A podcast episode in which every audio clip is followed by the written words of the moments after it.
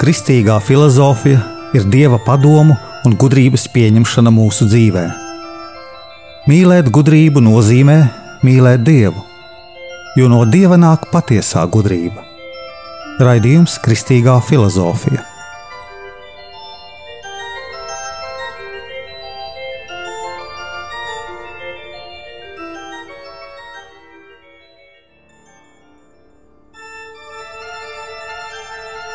Es esmu Jānis Valters Vitsenheims, un ar jums ir 43.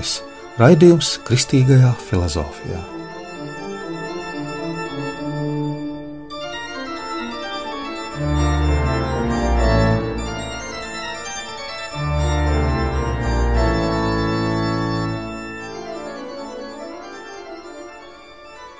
Dievs bieži liek šķēršļus mūsu mērķu sasniegšanai lai mēs saprastu, ka Dievs ir visu mērķu centrā. Ja mēs tiecamies pēc naudas, vienmēr būs par maz, jo lieta ne naudā, bet mūsu tieksmē. Tiecamies pēc mīlestības, vienmēr būs par maz. Kamēr nesāksim mīlēt citus, paliekot pilnīgi, lūdzot Dievu mājās vai baznīcā, bieži vien mēs atraujamies no šīs lūkšanas, domājot par sevi. Bieži vien mēs domājam, kā mēs izskatāmies, kad uz mums skatās. Mēs esam redzējuši filmās, kā izskatās cilvēki, kad lūdzas, un gribam varbūt pat mazliet to atdarināt. Mūsu lūkšana paliek teatralizēta. Cilvēks lūdzoties nevar skatīties uz sevi no malas. Tā ir spēle, demonstrācija, kā jāizskatās. Lūkšana ir stāvoklis, meklējot dievu, un nevar cilvēks sevi tai laikā skatīt no malas, jo tad tā nav lūkšana. Ja mēs lūdzamies, tad galvenais ir mūsu vērtētājs, Dievs, kādi mēs esam savā sirdī.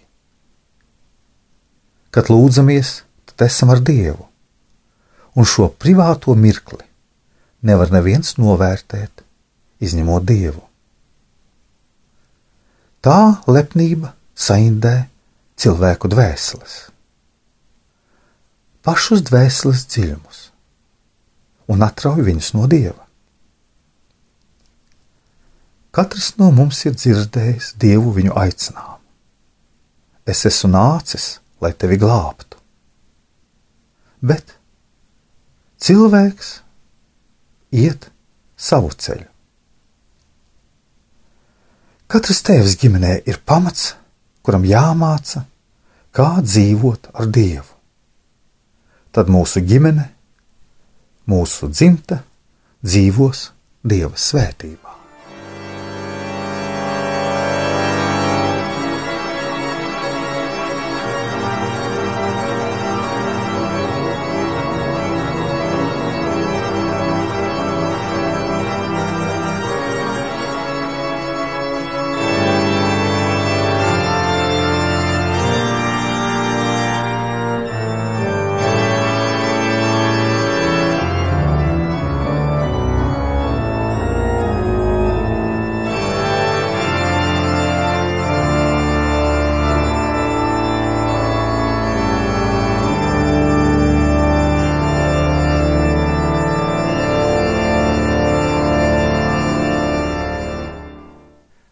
Kā ikdienā sarunā ar Dievu, lūdzoties, mums jāmāk atmest viss liekais, lai tas būtu dialogs ar viņu, nevis apkārtējiem. Tā arī patiesības filozofijā. Patiesības, kuru mums ir devis Dievs, jāmāk mums izšķirot un atmest visu lieko. Mūsu zemē bieži vien cilvēki vadās no jūtām. Šodien viņi pārņemti ir vienu ideju, tad viņu jūtas pārsviežas uz citu vai pretējo, otrā dienā viņi atmet arī tās, un tad viss pāriet nepastāvīgā veidā. Eklektisms nozīmē tādu cilvēku, kas nav dziļš. Filozofijas vēsture māca, ka tās idejas iespaido cilvēku, bet, kad iespaido, tad viņš pārņem tās idejas, un viņam var būt labas, bet var būt arī sliktas idejas.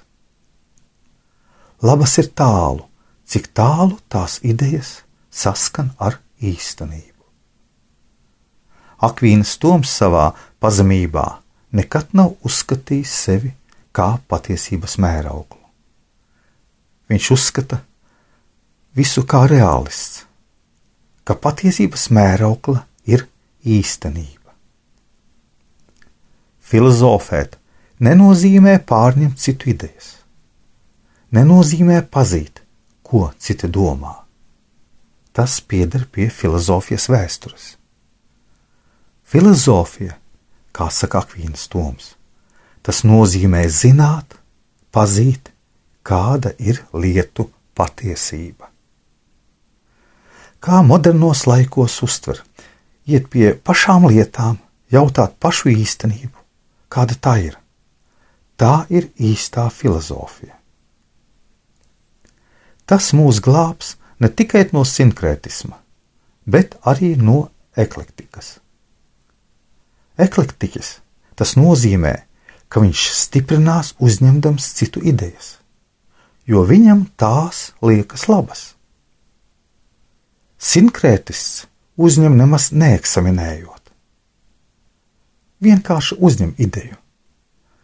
Piemēram, Latvijā, beidzoties marksisma laikam, eklektiķis apgalvoja, tur ir laba ideja marksismā, tur ir brīvība, tur ir miers, tur ir tās labas idejas, arī kristianismā labas idejas, arī kristietība ir laba.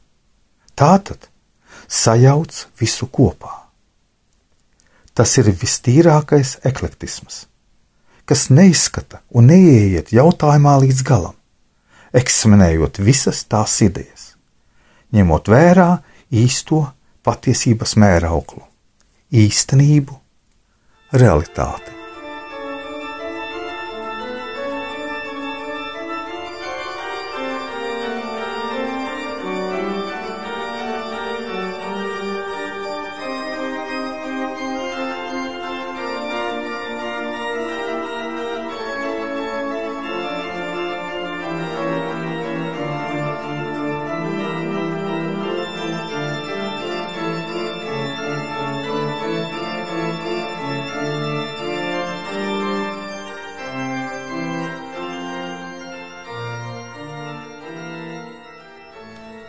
UNESCO, kas pieder pie apvienoto nāciju organizācijas, vienreiz uztaisīja pētījumu un gribēja zināt, kādu vietu ieņem filozofijas audzināšana pasaules sistēmās. Tā vācu datus visās zemēs triju gadu laikā.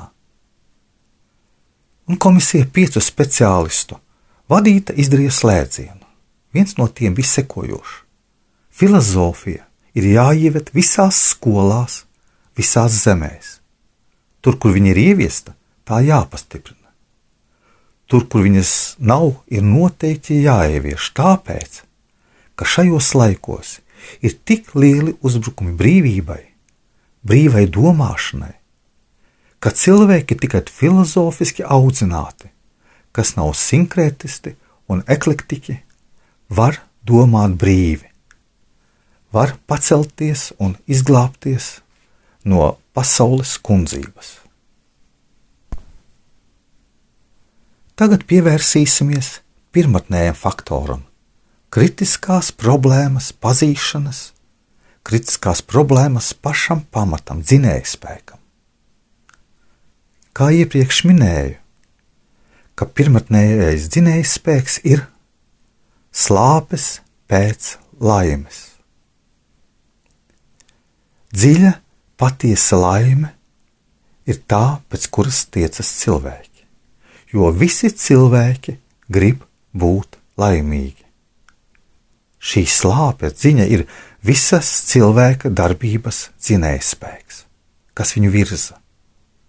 Viņa visu mobilizē, līdz ar to mobilizē arī šos otrkārtējos faktorus. Ziņa pēc laimes spiež, lai cilvēks tiešām atbrīvotos no visa liekā. Cilvēks, kas ir kādās kļūdās, kādos māņos, nav laimīgs, un tikai atbrīvojies no tā, viņš var būt laimīgs. Šī ziņa mūs visus ved uz priekšu. Lai visā darbībā, bet it sevišķi intelektuālā plāksnē, intelektuālā darbībā, kas ir visas darbības centrā, lai šī centrā cilvēks gūtu saskaņu ar īstenību.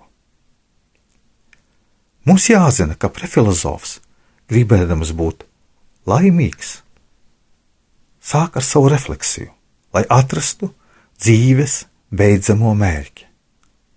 Lai atrastu to izraisījumu, viņš nonāk pie pazīšanas, eksaminē, pārbauda pazīšanu. Sistemātiskais filozofs, kas jau zina kaut cik filozofisko kultūru, viņš pienāk pie slēdziena pirmkārt, lai izraisītu laimes problēmu. Ir jāizraisa īstenības problēma, realitātes problēma. Sistemātiskais filozofs atrod, ka, lai būtu laimīgs, ir jāatrod tas priekšmets, tas labums, kas atbilst mūsu gribas lielajam plašumam. Mūsu griba, kas ir jau saukta kā dabiskā mīlestība, tiek atvērta plaši, tā, ka viņai nav robežu. Metafiziķis redz, ka gribas formālais objekts nav labums, bet labums kā tāds bezgalīgs. Un tāpēc viņš var secināt, ka cilvēka laimes problēmas izraisīšana ir iegūt bezgalīgo labumu. Jo cilvēka mīlestība, cilvēka griba uz labumu ir atvērta bez jebkādām robežām.